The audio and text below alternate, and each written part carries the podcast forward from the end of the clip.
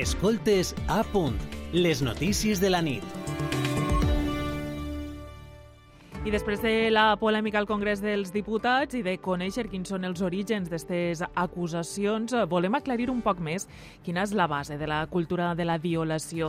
Des de fa uns anys cap així s'han generalitzat els termes violència de gènere i violència masclista. Darrerament també sentim feminicidi. Termes que, tot i ser cada vegada més comuns en els mitjans, en les converses, no haurien de parar de sacsejar-nos perquè indiquen que les dones continuen patint maltractament només pel fet de ser dones. Ben al contrari, esta xacra social continua fent-nos eixir al carrer cada 25 de novembre per a combatre-la o almenys per a rebutjar-la. Per canviar la dinàmica no calen armes, sinó arguments i educació. Sobretot això últim, educació. Necessitem conèixer quina és la base d'esta cultura, d'on prové, per poder entendre-la i poder actuar per canviar-la. En les notícies de la nit parlem amb Sònia Rubio. Ella és treballadora social en un centre dona 24 hores i professora a la Universitat de València. Per intentar posar algunes coses en clara, l'hem citada esta nit en la seva tasca directa amb dones que han patit violència masclista. Li dona una perspectiva important per a conèixer eh, ben de prop aquesta cultura de, de la violació. Bona nit. Bona nit, bona nit, companyes. Comencem pel principi, Sònia. Mhm. -huh. De què parlem quan ens referim a cultura de la violació? Pues fixeu-vos, eh, esta, este concepte comença en els anys 70, com bé digueu, amb el feminisme radical, on un grup de feministes professionals se dediquen, tenen com a objectiu i veuen que la violència sexual no solament eh, implica un poder eh, cap a les dones, no? no solament implica una situació de poder, sinó una situació de control sobre el cos de les dones, de la seva llibertat i de la seva autonomia, i, i, i elles ho acunyen o fa referència a tota aquella estructura que justifica, alimenta, accepta i normalitza l'existència de la violència sexual cap a les dones. Val? Este concepte, la cultura de la violació, la conformen un conjunt de pensaments i de creences que fomenten la violència sexual masculina i ignoren l'impacte que té cara al cos de les dones. No? Nerea Barchola, per exemple, en el seu últim llibre eh, que es diu Microfísica del poder, on analitza eh, el cas Alcácer, eh, parla de la disciplina del terror sexual, perquè amb aquesta cultura de la violació, les dones, que som les víctimes, qui patim aquesta violència, sabem molt bé com tenim que comportar-nos eh, perquè ens culpabilitzen del tot el que ens passa, no? I per tant, eh, pues és un concepte, eh, no és que diguem que és novedós, però sí que es fa referència a un continu perquè és un concepte ahistòric, és a dir, tota la vida les dones hem patit violència sexual. No? El que passa que ara, pues, òbviament les dones ja no tenim tanta por a l'hora de, de denunciar els casos de violacions i se veu molt més, no? o és més mediàtic, si poguérem dir així. Uh -huh.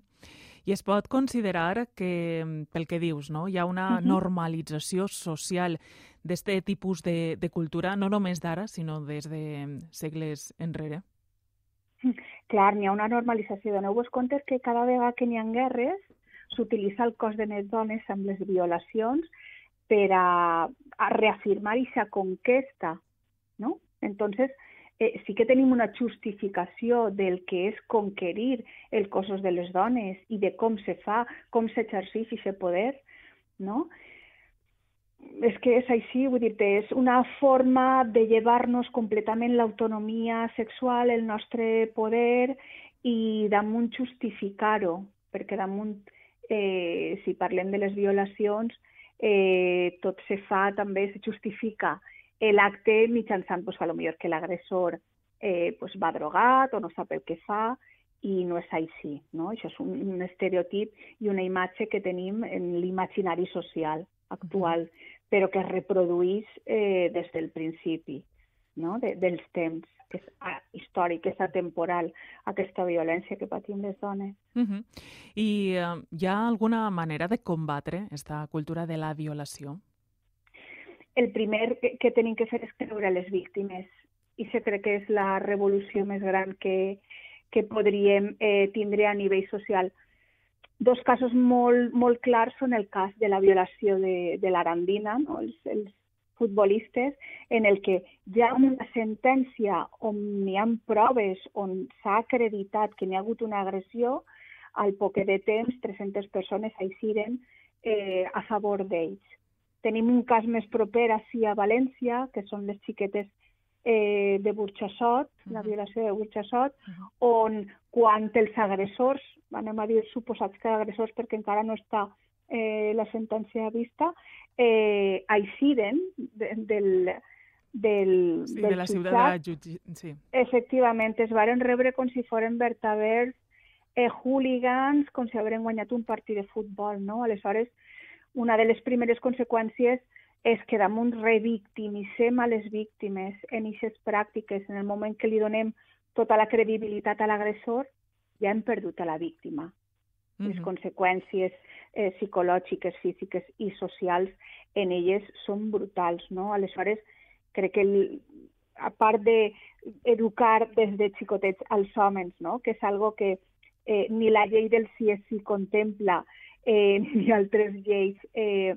contemplen que sí que estos agressors eh, se deurien d'educar de, d'una altra manera, no? Eh, I estos homes se deurien d'educar d'una altra manera o deurien de, focar, de posar el focus en ells, el que fem és eh, completament deixar desemparades a les víctimes, no? I això, eh, pues, òbviament, fa que aquesta cultura de la violació se perpetue, no? Mm -hmm eh, una última pregunta i que té relació amb el que explicaves ara, no? el, això d'educar els homes des de xicotets. Eh, entenem, per tant, que s'hauria de treballar més en els xics, no sé si també en les xiques, o s'hauria de fer un treball conjunt també amb la gent adulta, amb la gent major, ja que quan parlem de violència masclista, quan parlem de, de, violas, de cultura de la violació, eh, no se sap ni d'edats ni de condicions socials. Uh -huh. A veure, és que, clar, aquestes violències són sistèmiques. Aleshores, eh, va tardar molt en, ixes, en que se puguen extingir aquestes pràctiques perquè estan normalitzades, és a dir, els homes agressors, violadors, eh, creuen que estan fent algo eh, que està bé, perquè tenen que mantenir aquest poder. Per tant, òbviament, no solament hauríem d'educar des de la base, sinó també hauríem d'educar eh, a tots els estaments, com tu ben dius, no solament socials, sinó totes les edats, perquè en realitat aquestes pràctiques no se qüestionen en moltes ocasions, no? Hi ha molt poques campanyes que vagin dirigides cara als homes reprotxant aquest tipus de conducta. I, per tant, la fàtria masculina el que fa és reafirmar-se en les pràctiques aquestes quotidianes, no? Aleshores, sí que haurien de tindre mm, o reforçar eh, unes pràctiques dels bons tractes en totes les etapes educatives i també en la resta de la societat. No? Això haurien eh, de reivindicar-ho sempre. Doneu-vos compte que també tenim casos de violència eh, de gènere en els centres de majors, en parelles que tenen 80 i 80 anys són ell, o sigui, on encara se pensa que per tindre una parella de 40 o 50 anys han d'anar els dos junts a, a, a un centre de majors i després ell, si ha exercit violència masclista, doncs en algunes ocasions les mata, no? Aleshores, se té que reestructurar la societat eh, d'una altra manera i tenim que eh, posar el focus en els homes perquè són ells qui en realitat eh, practiquen aquesta violència. Nosaltres la patim. Mm -hmm. mm. Doncs eh, Sònia Rubio, treballadora mm. social en un centre 24 hores i professora a la Universitat de València. Moltíssimes gràcies per ser tan clara explicant-nos mm. eh, en què consisteix i cap a on hauríem d'anar per a erradicar la cultura de, de la violació. Moltes gràcies molt... per atendre la nostra telefonada i molt bona nit. Bona nit, gràcies a vosaltres.